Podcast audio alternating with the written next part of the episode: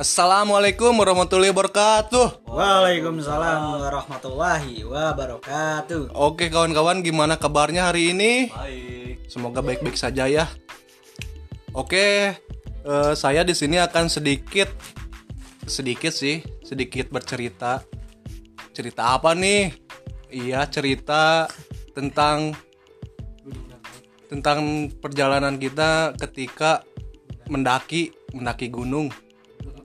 Gunung apa tuh? Jawab. Gunung yang sekarang statusnya menjadi cagar alam. Oh iya itu kan ke- waktu itu Waktu nggak tahu. kami saya dan kawan-kawan tentunya belum tahu bahwa gunung itu berstatus cagar alam. Oke.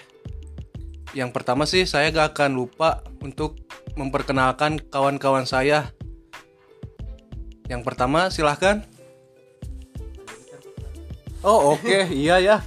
Yang pertama dulu saya dulu kan sebagai eh, sebagai itu sebagai pengisi acara. Oke, nama saya Raihan Rifki Alpauji. Eh, tanggal lahir saya gak usah disebutkan.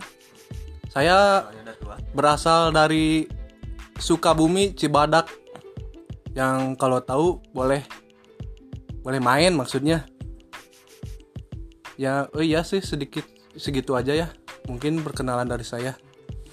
Oke, kita lanjut kepada kawan saya. Yang pertama, silahkan.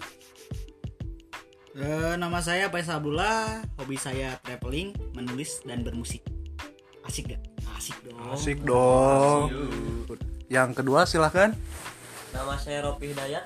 Hobi saya olahraga, olahraga apa pun. Olahraga apa pun apa tuh? Lima jari. Contohnya futsal, eh, bulu tangkis mungkin. Udah. Udah, segitu. Ya. Oh iya. Traveling juga. Traveling. Oke. Terus kita lanjut ke kawan kita yang ketiga. Kamu saya persilahkan.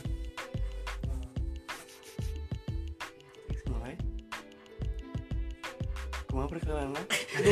Dia dia malu-malu ternyata. Eh, kumaha perkenalan? Nama.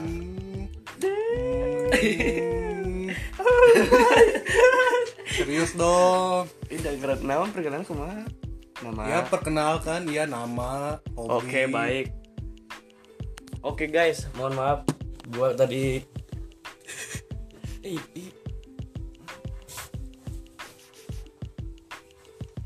Gua tadi kurang fokus ya mungkin mohon maaf nanti bisa di-cut. Baik, perkenal Coba perkenalkan nama gue Aji Permana, biasa disebut Aji. Umur 20 tahun. Hobi sih apa ya hobi? Hobi mungkin lebih condong pada olahraga. Olahraganya apa? Futsal. Lalu eh, apa sih? Hiking dan yang lain-lain tidak disebutkan satu tidak bisa disebutkan satu persatu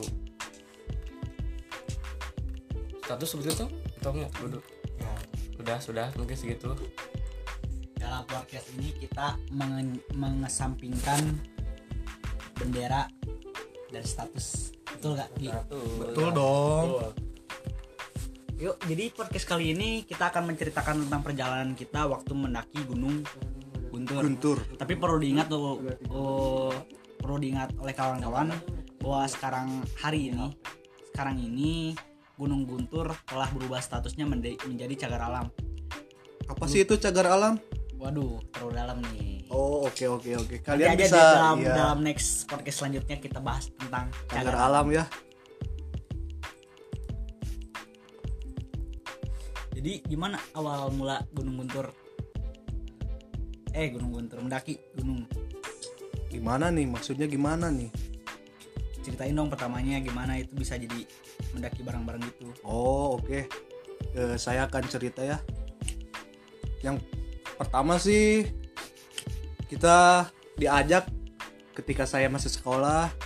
Saya diajak oleh kakak kelas saya nih. Siapa tuh? Siapa? Waktu itu saya baru turun dari Gunung Salak. sama teman-teman teman-teman kelas gitu. Saya ya.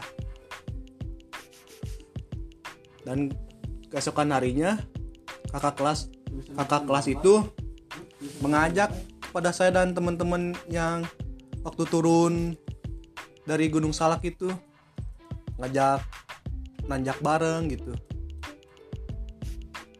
dan eh, ketika mereka mengajak nanjak bareng bersama saya di situ mereka mereka mempunyai tujuan. Tujuannya apa sih? Oke lanjut ah lanjut. Tujuan kita apa apa apa, apa? tujuannya apa sih ketika ketika lu ngajak ke gua. Ngajak gua. Nanjak bareng. Pertama mungkin tujuannya untuk mendekatkan eh, junior kita adik-adik kelas kita. Jadi gak ada lagi sekat antara kita sebagai kakak kelas dan adik-adik kelas. Gitu. tujuan pertama itu kedua ya kita mempunyai latar belakang yang sama dalam segi hal hobi gitu. Jadi apa salahnya kalau kita mendaki bareng-bareng? Gitu. Ya ya jadi gitu. Jadi untuk mengajak adik kelas itu kita tidak perlu mengajak ke arah yang negatif seperti tawuran mabuk-mabukan. Uh jangan sampai ya kayak gitu.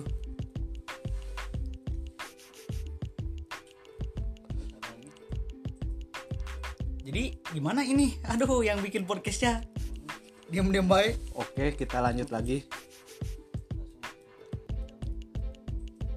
Langsung kita langsung eh, bercerita langsung ke berangkatnya aja ya.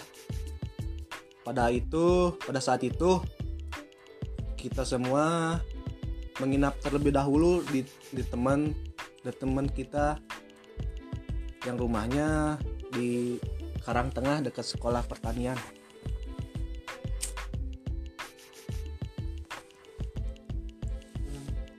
Sesampainya kita di rumah teman kita yang bernama Arti, kita juga tidak lupa untuk mengingat- mengingatkan kepada kawan-kawan semua untuk mempersiapkan alat-alat untuk pendakian di hari Sabtu ke Gunung Guntur.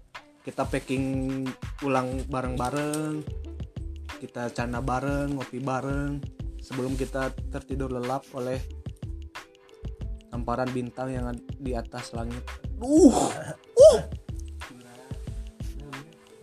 di atas langit ya lah bukan di atas langit dong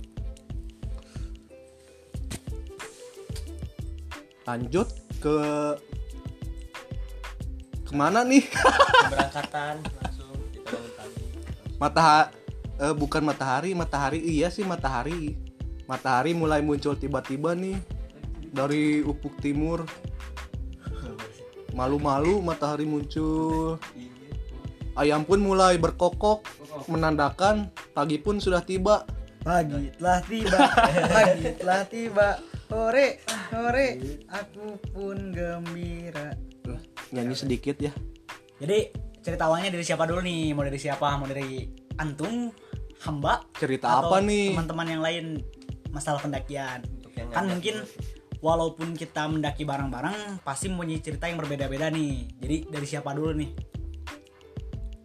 Dari teman saya dulu lah. ya, yang ngajak. Nih ya, yang mengajak. Orang dia ini deh. dipersilahkan. jadi kalau saya mah nggak bareng gitu ya sama teman-teman yang lain gitu. Saya mah barengnya sama Aji. Waktu itu tuh Ji waktu kita pas-pasan lagi sidang ya? Sidang PKL sidang. PKL gak bisa ditunda tapi bisa diundur pas jam berapa Ji? Jam 3 eh, jam 2 ya? Jam 2 jam 2 ternyata bisa dipindahin tuh jadwal sidang. Jadi kita sama Aji itu berangkat lebih Lebih Lebih akhir. Iya, lebih akhir. di air gitu berdua. Nah waktu berdua itu kita berangkat jam 5 dari eh, terminal Sukabumi lalu turun di terminal Bandung dan sampai di base camp Gunung Guntur itu sekitar jam 12 ya Ji. jam 12 gitu kita makan-makan dulu jam 1 trekking itu trekking paling cepet loh. Jadi trekking kita itu jam 1 sa- sampai jam 2 satu jam. Kenapa ada eh, alasannya apa gitu bisa cepet gitu? Yang pertama kita dikejar takut. Yang kedua? Yang kedua pengen cepet-cepet ah masuk tenda nggak Ji Wah, Pengen capek. rebahan. ngerebahan gitu. Udah capek gitu di jalannya teh berapa jam gitu ya. Nah waktu di jalan itu kita ada cerita agak sedikit mistis gitu. Waktu jalan waktu kita mau masuk pintu rimba tiba-tiba ada dapat kita tuh. kita kita lupa jalan ya Ji. Di situ Iya, ada dua cagak. Teh naon ya bahasa Dua Indonesia? dua persimpangan. Dua persimpangan ya ada dua persimpangan di situ kita bingung mau nanya ke siapa nih. Tiba-tiba kita lihat ada di Peternakan sapi di situ ada kuda satu. Ada orang yang tiba-tiba yang lagi ngegil- membilas kuda ya. Membilas kuda. Terus memandikan kuda lah gitu. Terus kita tuh punya punya itikat buat nanya gitu. Kita samperin eh ternyata tiba-tiba gak ada siapa-siapa cuma kudanya langsung ngejat gitu ngejatnya naon si anjir bahasa Indonesia. Ngejat, kaget. kaget Kaget. kaget. Nah waktu itu tiba-tiba ada bau melati yang kita bikin gemeter juga. Nah kebetulan di situ di belakang kita ada pendaki dari Bandung ya Ji Iya, dari Bandung. Mm, empat orang Ji Oh, empat iya, orang. kita segan buat nanya ya kita ikutin aja dari belakang gitu. Sampai akhirnya dia istirahat dulu di salah satu warung sebelum masuk pos 1 atau pos Simaksi Ya, tapi sebelumnya dia sombong loh. Iya sebelumnya kan? Iya sebelumnya dia kita, kita tanya berdua dia oh iya. lupa. Kurang itu. Kurang apa? Kurang welcome orangnya oh mungkin dia baru belum belum kenal ya bisa dibilang. Jadi dia jadi dia dikatakan sombong. Tapi menurut saya ah itu betul. Eh esensi mendaki akan hilang ketika kita merasa orang lain bukan siapa-siapa gitu. Nah, seharusnya dalam dunia kependakian itu kita dengan yang lain bisa saling mendekatkan diri lah gitu. Atau terbuka minimal. Nah, waktu udah itu kita fokus buat terus trekking ketemu orang mana ya? Orang orang luar pokoknya ya orang luar ya orang luar juga di situ dia lagi makan kita nggak agak sedikit ngobrol di situ ngajak bareng juga tapi karena kita masih capek gitu kita lebih akhir lagi itu jalannya tuh diam dulu di pos maksi eh, ngaso dulu bentar. Nah udah itu kita jalan lagi sampai ketemu dia di pos mau ke pos 3 ya di itu ya Pos tiga. Iya, pos tiga pos 3 kita di situ mereka lagi istirahat tapi kita tetap jalan maksain jalan terus sampai akhirnya eh pos 2 kali Ji. pos 3 kan udah masuk itu ya pos akhir. Iya. Oh, ya Pos pos, camp. 2 pos 2 sorry sorry koreksi. Nah sampai akhirnya kita tiba di pos 3 sekitar jam 2 jam 2 lihat teman-teman lagi pada eh, enak rebahan gitu. Sedangkan kita masih kecapean. nah yang perlu diperbaiki da- eh, waktu itu waktu pendakian itu perihal logistik. Jadi teman-teman cuma bawa dua tenda sedangkan kuantitas orang yang ikut lebih dari dua tenda dari kapasitas tenda tersebut. Nah, jadi kesalahan kita gitu yang terus kami evaluasi untuk perjalanan-perjalanan lain nah mungkin oh mungkin alasannya kenapa Ji? Alasan kita ikut maksain ikut gitu. Padahal lagi sidang apa tuh alasan kamu tuh? Menurut menurut kamu apa dah? Kamu dulu aja dah. Kamu dulu aja. Ah. Jangan saya jujur jangan. Jangan saling itu dong. Jadi alasan pertama saya tidak ingin mengecewakan teman-teman yang ikut serta dalam pendidikan bersama. Dan kedua ada hal yang perlu aku perjuangkan. Anjir, anjir dalam. Dalam. Jadi waktu itu saya bela-belain bukan hanya untuk sekedar tim tapi ada kepentingan sendiri gitu kepentingannya itu ya ya cewek lah gitu ya bukan cewek. sih. Ya. Cowok. Yang kepentingan itu kan dia yang ngajak masa dia gak ikut tuh? Nah, si cewek itu baru putus, baru putus itu. putus. Nah, memperjuangkannya itu lewat saya maksain gitu. Waktu sidang terus langsung berangkat mendaki. Eh, ber- iya berangkat berangkat mendaki demi dia gitu.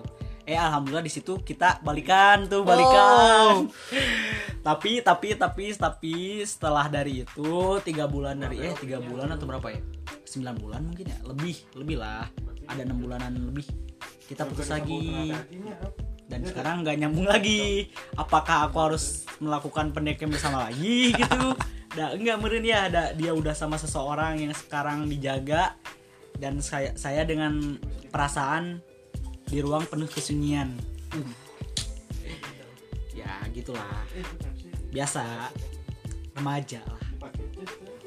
Nah sedangkan dari Rehan sendiri gimana tuh cerita pendakiannya?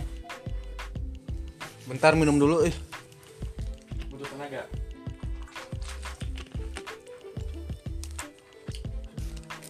Oke, lanjut kepada saya ya. Saya kan pemberangkatannya nih beda sama Faisal sama Aji. Saya berangkat lebih awal dari mereka. Kita enak, kita pakai berangkat pakai mobil pribadi, bisa sambil tiduran, sambil ah santai pokoknya. Lanjut kita jalan dari Sukabumi melewati Cianjur, kopi dong terus melewati ke kota Bandung dan sampailah kita di kota Garut. Kita berangkat dari Sukabumi jam 9 pagi, jam 8 pagi jam 5 bang Oh. lima subuh lah dan sampai kita ke Garut. Utamanya sih ya di Garut di gerbang pendakian Pia Citiis pada pukul 13 siang jam 1 siang. Terus kita melewati tuh apa sih? Iya gerbang pendakian Pia Citiis selama 15 menit kalau gak salah kurang lebihnya 15 menit. Kita sampai di pos eh di base camp nih di base camp Citiis. Kita langsung buka bagasi mobil, kita ambil carrier, simpen carrier di base camp. Eh, kita teman-teman pada ke air dulu kan, ambil air wudhu. Waduh cerita bapak detail sekali seperti investigasi polisi. ketika kawan-kawan semua sudah sudah sholat ya sudah sholat zuhur saya langsung mengajak mereka untuk makan siang sebagai tenaga sebelum kita melakukan pendakian nih pada pada siang hari kan panas nih uh waktu itu cuaca di sana sangat panasnya sangat terik gitu ya sudah nih ya sudah makan-makan sudah semuanya sudah beres nih.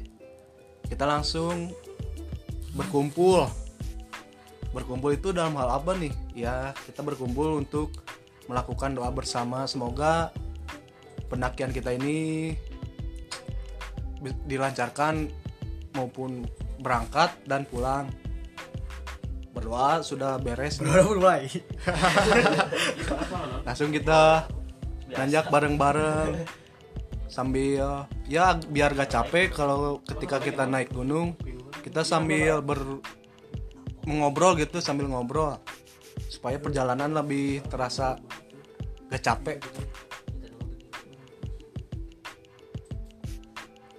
pada pu kita nanjak pukul setengah dua setengah dua siang.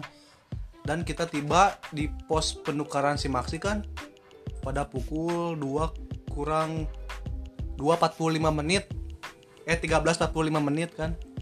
Kita nuker tuh simaksi sudah beres diurusi diurusi diurusi. Ya kita langsung nanjak nanjak bareng lagi.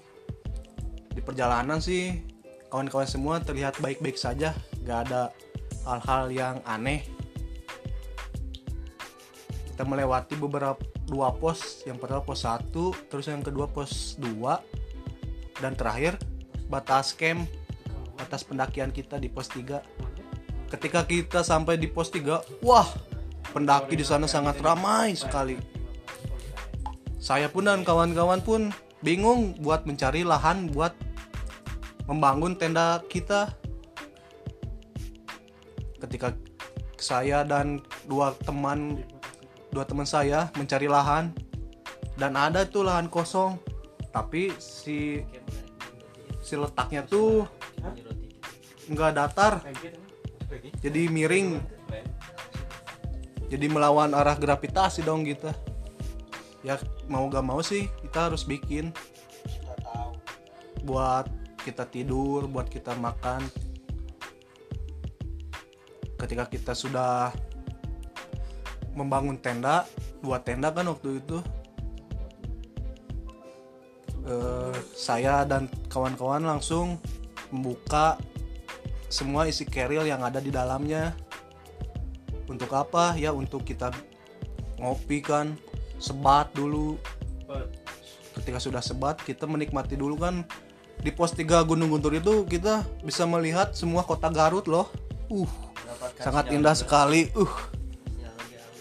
Dan ingat buat kawan-kawan semua, pendakian Gunung Guntur sekarang hanya bisa dilakukan sampai pos 3. tuh Jangan mencoba berani mendaki puncak ataupun dua karena itu bagian dari cagar alam Kamojang. Perlu Ya. diingat lah kawan-kawan, jangan dicontoh kita. Sebab kita waktu itu memang betul-betul buta pengetahuan tentang masalah cagar alam itu.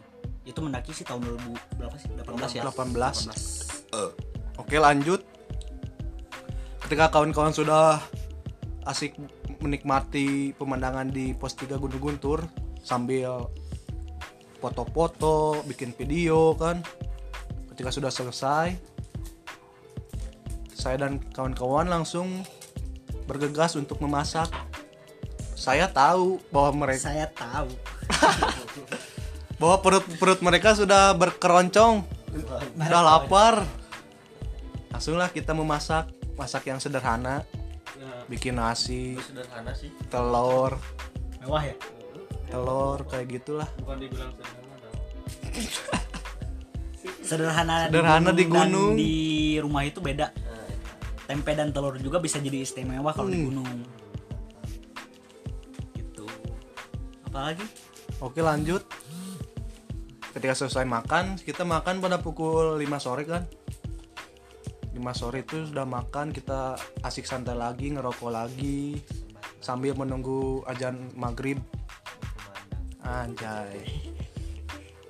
Ketika selesai mela- Melaksanakan ibadah sholat maghrib Saya dan teman-teman eh bertamu gitu ke tenda tetangga. Untuk apa sih? Ya untuk kenalan kan. Tambah teman baru kita dan kawan-kawan di situ eh, s- apaan, apaan, apaan. eh, iyalah langsung ngobrol gitu sama tenda tenda tetangga. Minum sambil oh enggak. Sambil oh iya. Eh, pas si tenda tetangga itu bawa gaple. Nah di situ kan saya langsung main gaple sambil nunggu temen saya yang Faisal sama Aji nyusul gitu kan dari siang saya sambil nunggu mereka sambil main gaple sambil ngopi sambil sebat di situ main gaple di situ gak kerasa sih sudah tiga jam nunggu mereka gak datang datang ya saya dengan mata yang sudah 5 watt ini memaksakan untuk tidur eh, untuk melaksanakan eh Melaksanakan Lain. sholat Jumat. ingat kan besok kita akan summit tuh. Summit di Gunung Guntur itu kayak kayak Gunung Semeru. Harus mem- mempersiapkan fisik yang lebih enak lagi lah. Yang lebih fit. Di situ saya tidur tuh. Dan tiba-tiba waktu pagi saya bangun oh mereka udah datang lagi. Lama banget gitu kan Lama banget perjalanan Sukabumi tidak deket. sudah mereka sudah datang nih mereka juga datang tidak sempat tidur gitu karena sudah sebuah gitu. Karena sudah sebeh di base camp ngahakan heula mih heji mukat utah aing di jalan. karena sudah sebuah bahkan di betetan kali belakang oke lah sebuah sare di bus. lanjut ya Ajan subuh pun berkumandang di kota Garut. Eh, kami dan kawan-kawan langsung, oh iya perlu diingat bahwa di pos 3 Gunung Guntur itu ada toilet loh. lengkap itu eh, sangat membantu gitu buat buat kami dan teman-teman semua pendaki yang ingin eh, mereka melaksanakan ibadah sholat. Jadi memudahkan. Selesai sholat subuh, kita tidak lupa untuk sarapan dulu sebelum kita melakukan summit attack ke puncak Gunung Guntur. Di, di Pia Cities ini kita bisa eh, menggapai dua puncak Gunung Guntur. Guntur. Tahu kan Gunung Guntur di mana? Oke. Mana tahu saya kan ikan. Kita nih sudah beres sarapan sarapan pagi sudah mempersiapkan semua headlamp sudah dipersiapkan. Eh udahlah lengkap kita. Kita briefing lagi eh bukan briefing. Kita berkumpul berdoa gitu. Kita berdoa lagi. Selesai berdoa bergegaslah kita. Melakukan sampai nanti ke puncak Gunung Guntur. Puncak Gunung Guntur yang pertama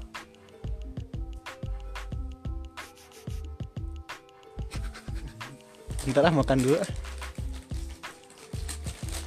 Aing wae tuh cerita. Oke, Tapi mah sama mungkin hmm, dilanjut sama teman saya ya. Saya sudah tenggorokan sudah kering nih. Silahkan kepada Ropi gimana sih? Ba- Apa ya?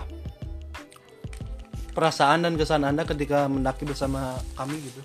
perasaan ya tentu senang enggak sakit hati bagi. Aing bagi anda itu. Tapi setelahnya bukan pra. Sakit hati. Oh nanti apalagi tipnya Hmm, kesan. Kesan dan perasaan. Perasaan kan tadi senang kesan ya. Mungkin itu pertama kali Ropi mendaki Gunung Guntur ya. Hmm, dan kedua kalinya mendaki gunung. Hmm. ya mungkin itu Oke, dari Ropi sudah. soalnya ceritanya sama kok bareng sama Rehan Iya sih. sebetulnya ini ceritanya sama cuma Rehan ngebagi-bagi cerita Ya biar biar jangka waktu podcast kita lebih panjang gitu. sok Aji Aji Untuk Aji pun sama sih kayak Faisal. Iya. soalnya bareng Samitnya juga Samit sih bareng-bareng soalnya kan ketemu Halo. Halo enggak? Absen bukan? Oh iya. oh ada telepon dulu Bentar, bentar. ada telepon dulu bentar penting. Kuliah? Why? Nah, sebetulnya Gunung Guntur menjadi cerita mengesankan juga awal mula patah hati saat itu. Jadi bagi saya Gunung Guntur adalah kesan terbaik bersama seseorang yang kini telah hilang dalam pelukan. Nah, itu adalah salah satu mungkin bisa dikatakan perjuangan hmm, naib gak sih? Enggak sih. Ya manusiawi lah. So eh, semua orang juga pernah melakukan itu gitu memperjuangkan seseorang. Hingga darah titik penghabisan. Wih, ya dan te. Lo eh. Oke, mungkin sudah ya cerita Gunung Guntur. ya pokoknya Gunung Guntur menjadi salah satu alasan saya balikan lagi. Walaupun sekarang harus putus menyedihkan sekali kawan-kawan. Eh iya numpang iklan dong. Bagi kawan-kawan yang ingin tahu tulisan saya melalui podcast silahkan nyimpang. Nyimpang, apa tuh nyimpang? berkunjung berkunjung ke podcast saya yang bernama Sabda Hati dari Faisal Abdullah. Iya nanti kawan-kawan juga bisa mampir gitu. Untuk cerita pendakian masih banyak sih sebetulnya. Ini cuma season pertama mungkin ya. Part pertama pendakian kami pendakian bersama kami gitu. Pendakian per- eh, pendakian bersama kedua itu waktu itu ke Gunung Salak pendakian Tiga. per- bersama itu ketiga ke Gunung Gede. Nanti bakal cerita. Di Salak itu nanti banyak mistisnya jadi teman-teman jangan lupa gitu nanti pantengin aja pada podcast kita gitu. Stay tune gitu. Nanti nanti kita bakal cerita banyak di Gunung Salak gitu. Di Gunung Guntur sih berkesan. Tapi kesannya itu gak bisa semuanya di eh, Diutarakan. atau utarakan jadi ter- kesan itu bisa hanya bisa disimpan dalam hati Hai. soalnya kesannya untuk seseorang Ini mah hati terus ya ini mah aduh. Aduh, kacau. das das das jadi sudah hanya begitu mungkin podcast Mungkin dari kami Dari cerita pertama kami Oh, iya. bersama apa? judul judul podcast ini nanti bakal kita namain nanti kita cerita tentang pendakian Ai. Oh. Pokoknya stay tune aja ya teman-teman semua nanti kita bakal cerita tentang pendakian lagi Oke. jangan ke mana-mana tetap di podcast kami karena podcast kami asal-asalan dan tidak nyambung Oke, mungkin. Segitu aja untuk cerita pendakian pertama kita. Oh, yang Gunung akhir. Apa tuh yang akhir? semoga eh, seseorang yang saya sebut mendengarkan dan mau Oh. menerima salam dari saya Oh. salam Salam, salam. salam sereh. Assalamualaikum. Oke ya. Nanti kita lanjut ke cerita pendakian yang kedua kita ke Gunung Salak. Ini sangat ditunggu-tunggu sih. Mungkin oleh kalian semua. Mungkin cukup sekian dan mungkin Oh. baru mungkin mau Uh. Pokoknya dengerin dulu aja yang inilah anjir oke oke mulu iya anjing udah udah. Tadi ditutup itu. Iya, oh mau ditutup. Eh, kita tutup mikrofonnya biar kalian gak ngedengerin. Oke kita tutup eh, podcast Dengan kita hari ini. alhamdulillah. Dengan membaca alhamdulillah. Alhamdulillahirobbilalamin. Salam lestari. Sa- Salam besari. Besari. Oke, assalamualaikum warahmatullahi wabarakatuh. Waalaikumsalam. Warahmatullahi wabarakatuh.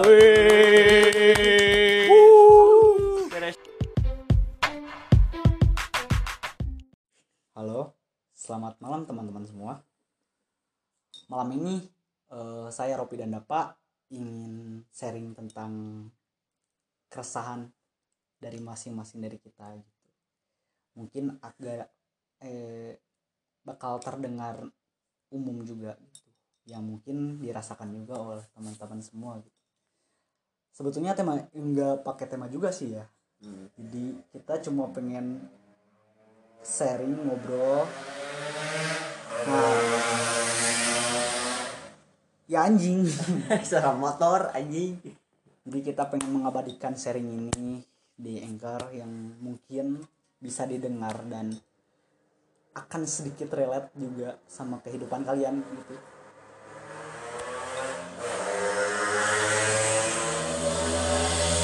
Ya beginilah hidup di perkampungan yang ada di pinggir jalan gitu. Di kota enggak ini tuh udah di kampung juga enggak. Tapi berisiknya kayak udah kayak mana sih pi bukan Jakarta juga sih pasar. Pasar? Enggak juga sih. Di malam ini kita punya topik yang cukup gak serius sih. Canda. soalnya nggak pakai skrip dan nggak pakai tema gitu. Jadi pure. pure karena pengen ngobrol aja cuma diabadikan gitu.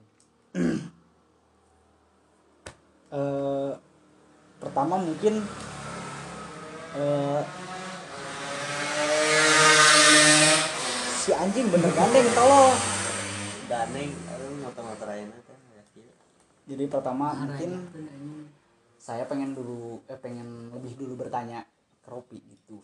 Mengenai definisi mencintai diri sendiri itu seperti gimana sih Rob gitu? Dia.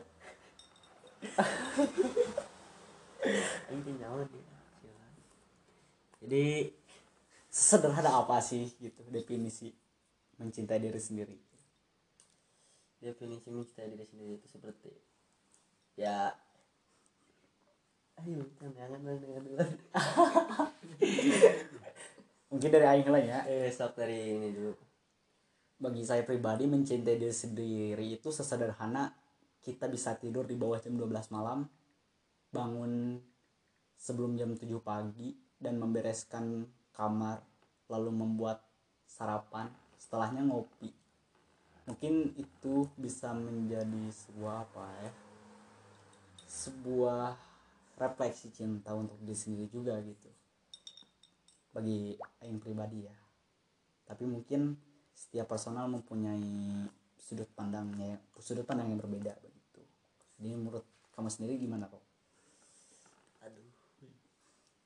Menurut Robi sih ya apa ya perasaan percaya diri sendirilah contohnya gitu.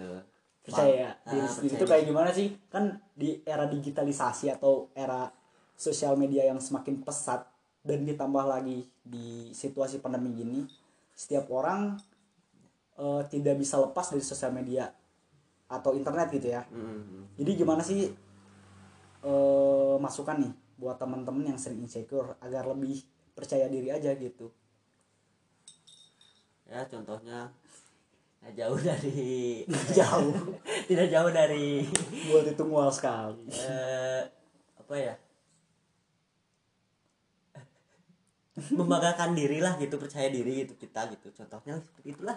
Oke. Atas, membanggakan kemamp- eh, atas atas kemampuan kita Iya, gitu harus membanggakan percaya diri diri gitu. sendiri tapi kalau tidak ada yang bisa dibanggakan bagaimana cara membanggakannya?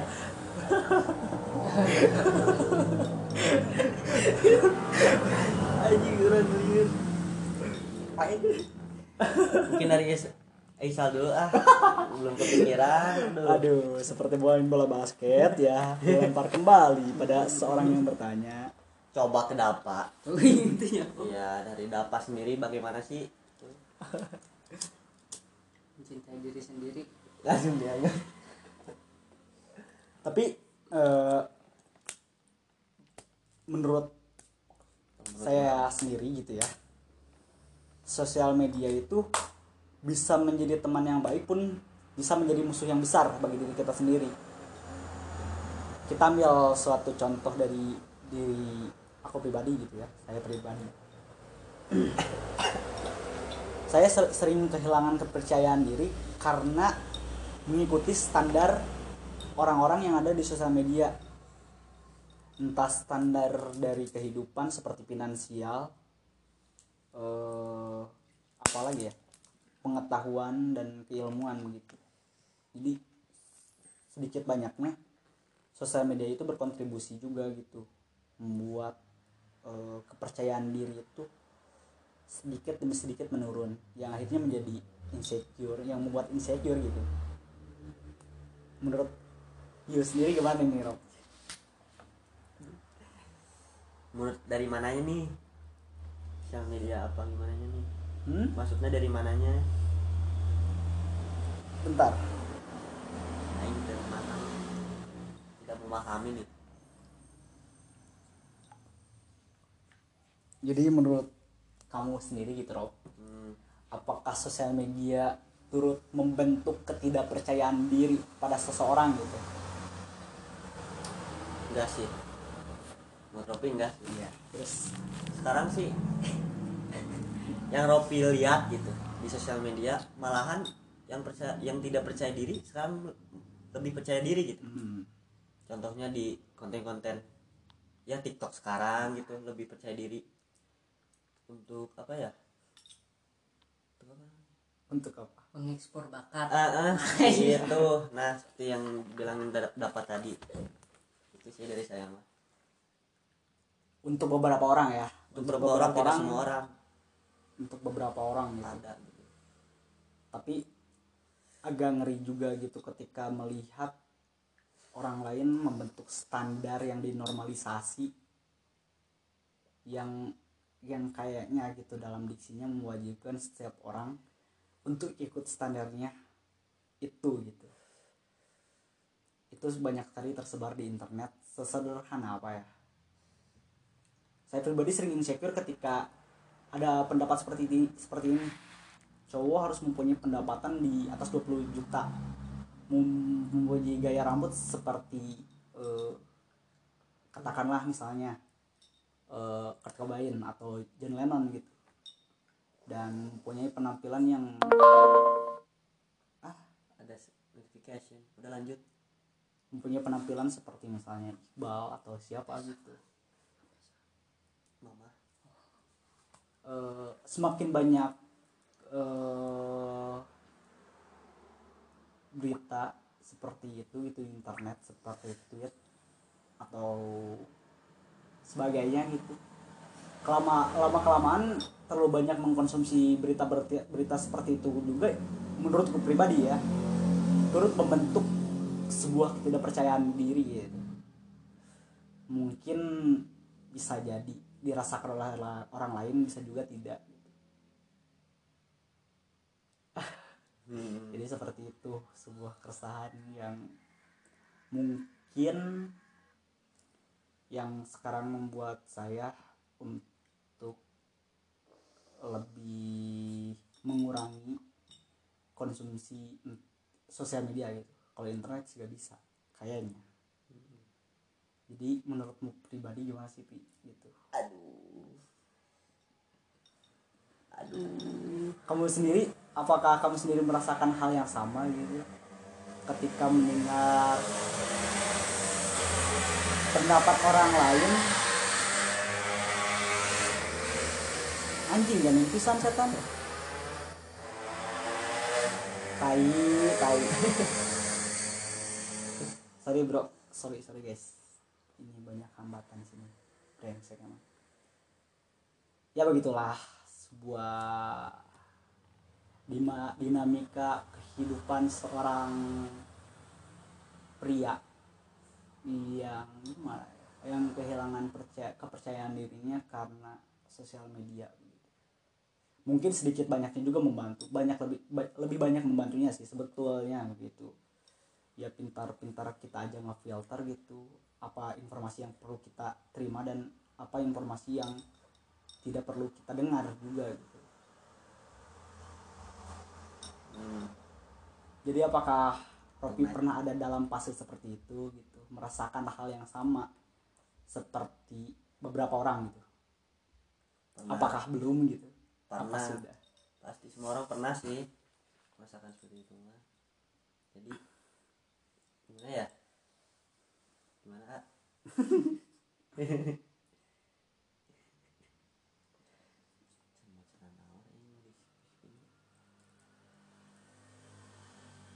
mungkin lanjut oleh Dapa ya. Pendapat Dapa ya jadi. Tadi kan belum ya percaya diri itu apa untuk menurut Dapa gitu. So, percaya diri ya percaya diri. Iya definisinya percaya diri itu apa? Mungkin, mungkin menurut Dapa lah yang Dapa tangkap gitu. So, kok pada lempar pertanyaan seperti ini sangat tidak profesional seorang podcaster satu ini mungkin dari saya yang tadi kan belum cukup ya definisi percaya diri.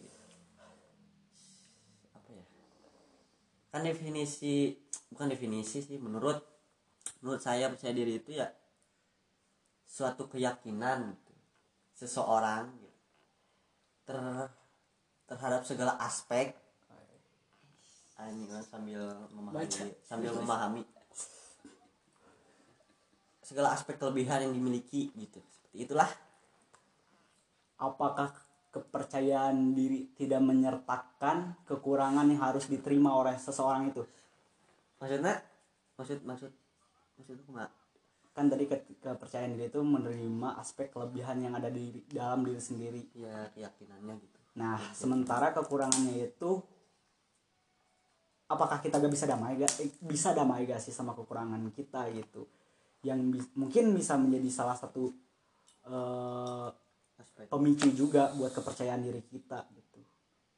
Nah, sedangkan kan tadi katanya kepercayaan itu melibatkan kelebihan. Tapi kenapa tidak meng- kekurangan mengikut sertakan kekurangan? tidak kepikiran kekurangan sih ya. mungkin bisa dengan kekurangan itu bisa beradaptasi Iya, bisa. kepercayaan diri Bisa. Jadi kemungkinan juga. kemungkinan ya belum tentu juga Tapi eh, saya pribadi setuju dengan eh, buku da, eh, kutipan dalam buku seni bersikap bodoh amat sih. Jadi ketika kita banyak mengafirmasi diri kita sendiri, eh, contohnya misalnya kita mendengar motivator dan motivator itu bilang bahwa kita harus sering mengaca dan mengafirmasi bahwa diri kita itu tampan gitu. Tapi ternyata kalau menurut seni bersikap bodoh amat, semakin kita meyakinkan diri di hadapan kaca, semakin juga eh, sebetulnya lebih ke apa ya? Semakin kita apa ya? Ketika kita bilang ganteng, misalnya ganteng di hadapan kaca, itu mengkonfirmasi bahwa diri kita itu gak ganteng gitu. Ngerti gak? ngerti ngerti. Eh, pun hal-hal yang lain gitu. Semakin kita mengafirmasi misalnya kita adalah orang yang sukses itu juga mengkonfirma- mengkonfirmasi bahwa kita diri kita, kita itu gagal. Jadi lebih baiknya itu ya berdamai dan menerima dan melakukan apa yang kita inginkan untuk mencapai eh, poin-poin yang menjadi keinginan gitu jadi bukan harus ya misalnya maaf maaf nih orang misalnya saya gitu jerawatan terus diam di hadapan kaca terus mengafirmasi bahwa diri saya itu gak jerawatan. Itu semakin mengkonfirmasi bahwa diri kita itu jerawatan. Jadi hal yang dilakukan ya perawatan bukan mengafirmasi gitu. Mungkin seperti itu ya Rob. Aduh saya menunggu feedback. Menunggu feedback. Waduh, feedbacknya apa nih? Itu mungkin dari dapat, dap bersuara dikit, berpendapat dikit. pendapatnya Baca boleh sambil baca juga boleh. lu baca naon Baca naon? Eh,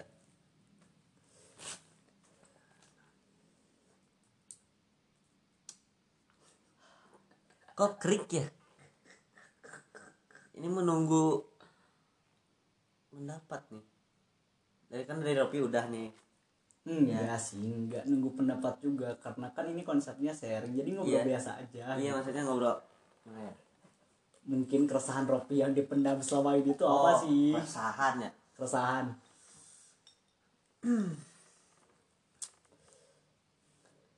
Keresahan sih.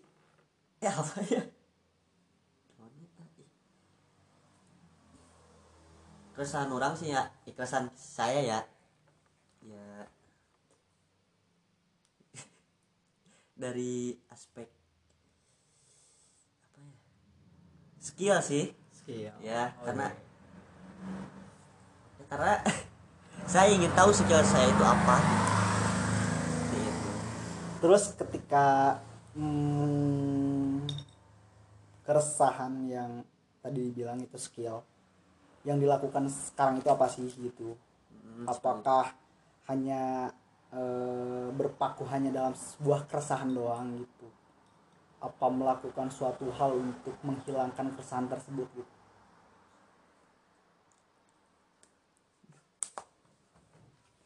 Nanya nah berat misalnya.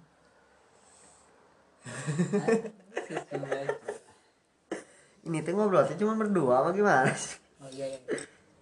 Coba dap. Enggak barusan konfirmasi eh jawab dulu dong iya apa? Nanyanya yang ini dong. Nggak kayak gampang gitu nanya bisa itu dijawab. itu itu gampang gitu. Jadi nggak mikirnya jauh kan lagi gitu. seharusnya gitu ya. Bisa pabelit. Keresahan itu menjadi sebuah pemicu untuk perubahan diri. Nah keresahan. ya keresahan itu. Misalnya keresahannya tadi dalam aspek skill gitu. Hmm, nah cara memupuk atau gimana? Ya? bukan memupuk sih menumbuhkan gitu skill itu nah di situ nggak tahu gimana Hmm, cara menumbuhkannya gitu. Itu umum lah ya. Buntu gitu. Nah, Tapi buntu bukan buntu sih. di situ gitu. Bukan stuck juga tapi belum menemukan jalannya. Iya menemukan jalannya mungkin. Seperti itu. Emang skill apa sih Rob? Ya. Yang pengen ditumbuhin itu kan secara kalau skill futsal lu bisa gitu. Ini sih apa ya tahu lah percaya diri belum ada. Percaya. Kan tadi katanya kan belum tahu. Belum maksudnya tahu. belum tahu. Maksud percaya diri itu tidak bisa berbicara di public speaking lah ah, ya itu contohnya lah. Nah, saya ingin punya itu karena di, per- di perkuliahan itu kan penting. Ya. public speaking. Nah, di situ saya belum punya. Nah mungkin ini jadi salah satu juga Rob salah satu tempat atau ruang di mana kamu bisa menumbuhkan public speaking yang baik juga soalnya kan eh, rata-rata orang yang tidak bisa public speaking atau belum bisa public speaking di hadapan banyak orang gitu hmm. intinya antara minder dan nggak percaya diri gitu mungkin salah satu podcast ini bisa menjadi suatu pemicu gitu Hmm. ya mungkin sekarang cuma dua orang besok bisa jadi lima orang ngobrol di di Podcast hadapan ini. lima orang gitu. Terus hari berikutnya mungkin kita bisa ngobrol di hadapan 10 orang dan seterusnya gitu. Seharusnya seperti itu Dia- mungkin ya. jadi ada level-levelnya meren lah bisa Iya. enggak ini kok kayak seminar gitu. Iya sih, ada seminar. Enggak kayak ngobrol. Terus? Kok terus sih? Kita ngobrol biasa aja ya kali udah sob. ya mau yang ngobrolin apa lagi nih? Ini sebetulnya tanpa tema itu ya. Jadi nggak ada fokus ngobrol. Kita harus dalam eh, tema tertentu gitu. Jadi kita ngobrol mau bahasa Sunda. Mah mau naon sih? Ngalantur. Ngalantur teh naon da anjing? Teh se saat bukan seadanya juga sih. Ke mana-mana lah. Eh, ke mana-mana gitu. ke mana-mana gitu nanyanya. Ngobrolnya oh ya bentar. Kopi pengen nanya nih nanya balik nih ke ke Aisyah keresahan Aisyah apa sih so, oh aduh duh, duh, duh, duh, duh. kita menembak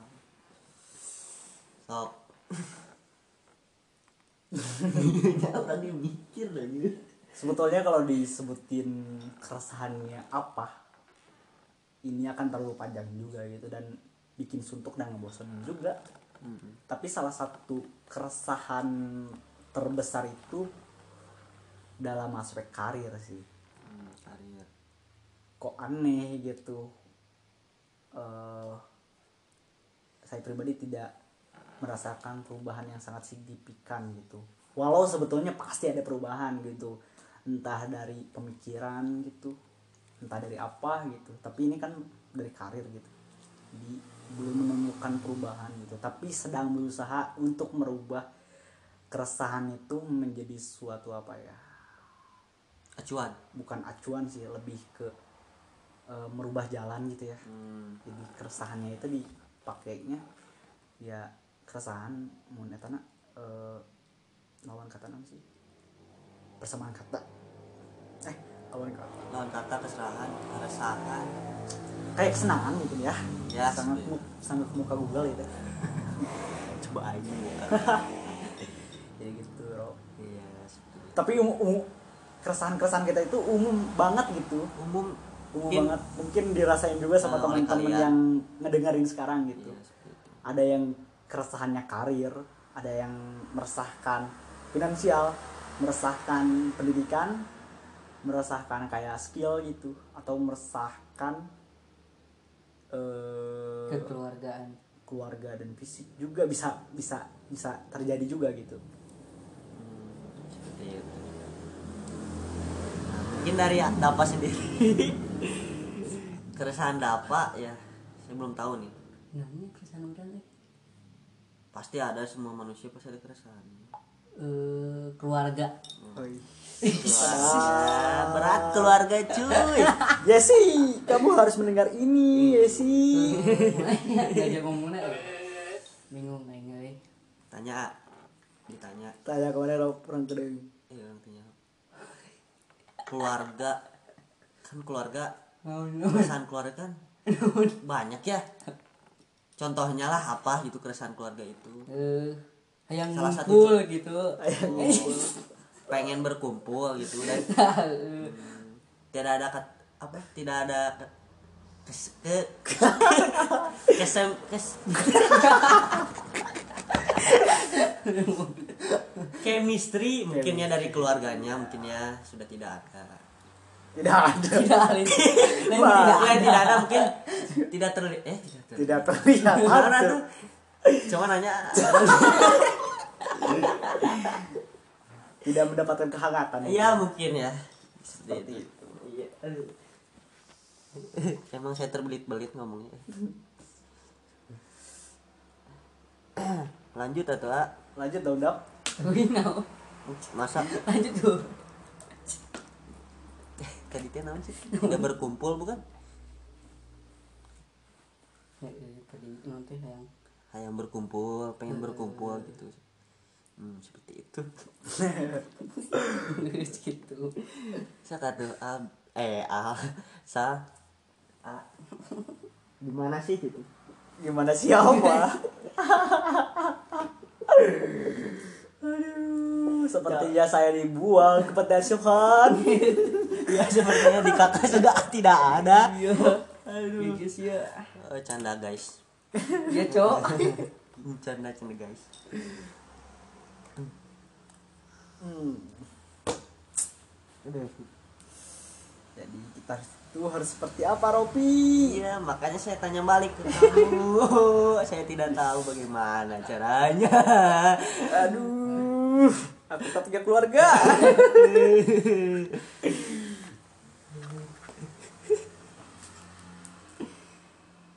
Gimana ya? Atau soal tuh Aisyah.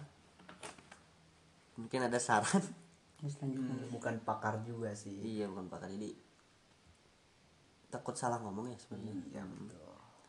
Mungkin bisa dibicarakan dengan ahli spiritual. Bisa tanyakan langsung kepada psikolog. Psikolog. Aduh. Saya bingung harus berbicara apa lagi. Tapi sekarang itu memang. saya lagi oh, curhat ya. curhat sekarang curhat gue lagi suka sama seorang gitu. Someone yang semua yang gue sendiri paham gitu bahwa gue nggak gua aja iya juga ya. Saya atau saya. aku lah. Tapi terlalu Terlalu ini sih. sebetulnya. Ya, tidak apa. Saya ingin belajar seperti mahasiswa. Aduh saya sedang suka sama seseorang yang gak mungkin bisa kayaknya gitu ya. Soalnya ya saya lebih ke bukan sadar diri sadar diri itu salah satunya gitu. Apa karena insecure? Ya bisa jadi. Bisa terus jadi. kedua memang tidak mendapatkan respon yang baik. Jadi aing teh harus gimana gitu Rob? Hmm, seperti itu ya saya tahu itu orangnya. Sebutkan Rob.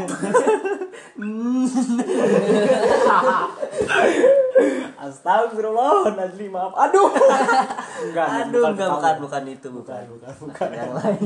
Ya, ini cuma jokes jokes jokes. Eh, nah jadi itu kan banyak namanya. Aduh. Tapi lama lama kelamaan ngerasa gak sih Rob bahwa semakin dewasa semakin buta dan juga sama cinta gitu. Bukan lebih ke buta sih. Lebih gimana ya? capek mungkin Capek gitu. Tapi sekali punya rasa suka itu bisa jadi gila gitu. Gilanya bukan gila dalam gimana gitu ya, tapi gila gimana ya ya. perasaan gitu. Yang terus ayo ayo kejar tapi tidak terkejar-kejar gitu seperti orang gila gitu tertekan mungkin ya bukan tertekan dong. Oh iya bukan juga kalau ya. tertekan saya depresi. Oh iya. Terlalu ini berlebihan kalau tertekan goblok itu. Orangnya goblok. Iya.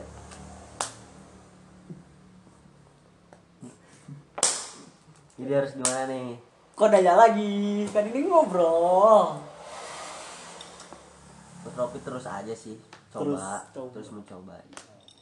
Mungkin satu saat nanti tidak akan terjadi. Tidak ada hasilnya tidak ada hasilnya. Penting udah udah saya- mencoba iya. namanya tapi di sini kita support aja. Support. Support kita mah orangnya? Guys. Meskipun tidak jadi juga. Support. Sialannya tuh supportnya tuh cuma ayo ayo lakukan iya ayo. Lakukan tidak mem- tidak memberi arahan.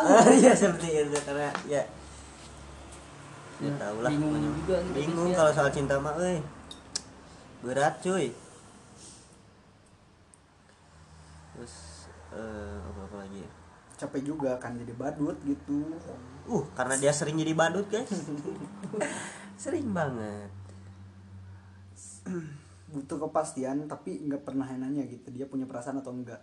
Jadi seakan-akan Aing teh kayak udah ngomong gitu tapi tapi Aing teh belum ngomong gitu. Jadi pengen kepastian juga ya susah gitu.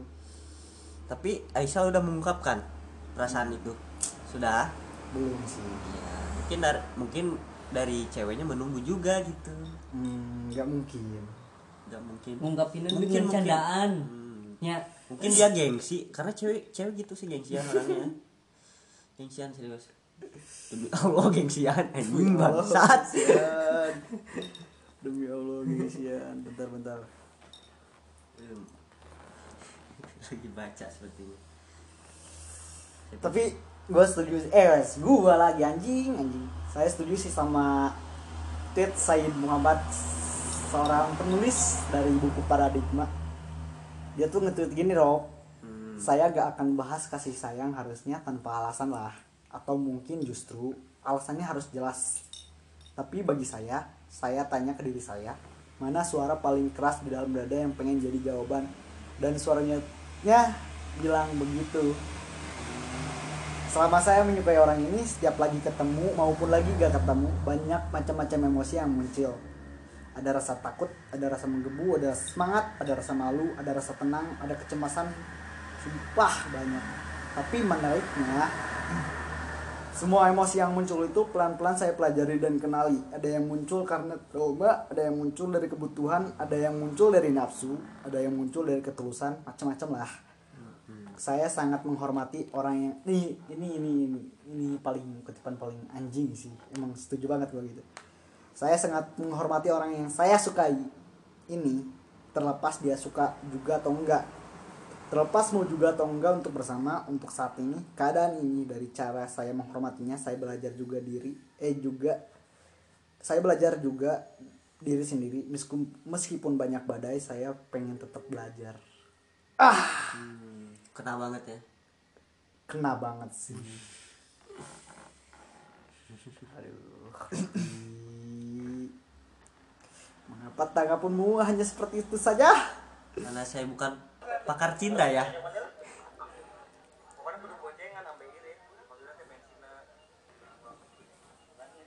ya mungkin hanya begitu ya keresahan kita yang gak normal ini bukan gak normal sih. normal sebenarnya tapi Normal.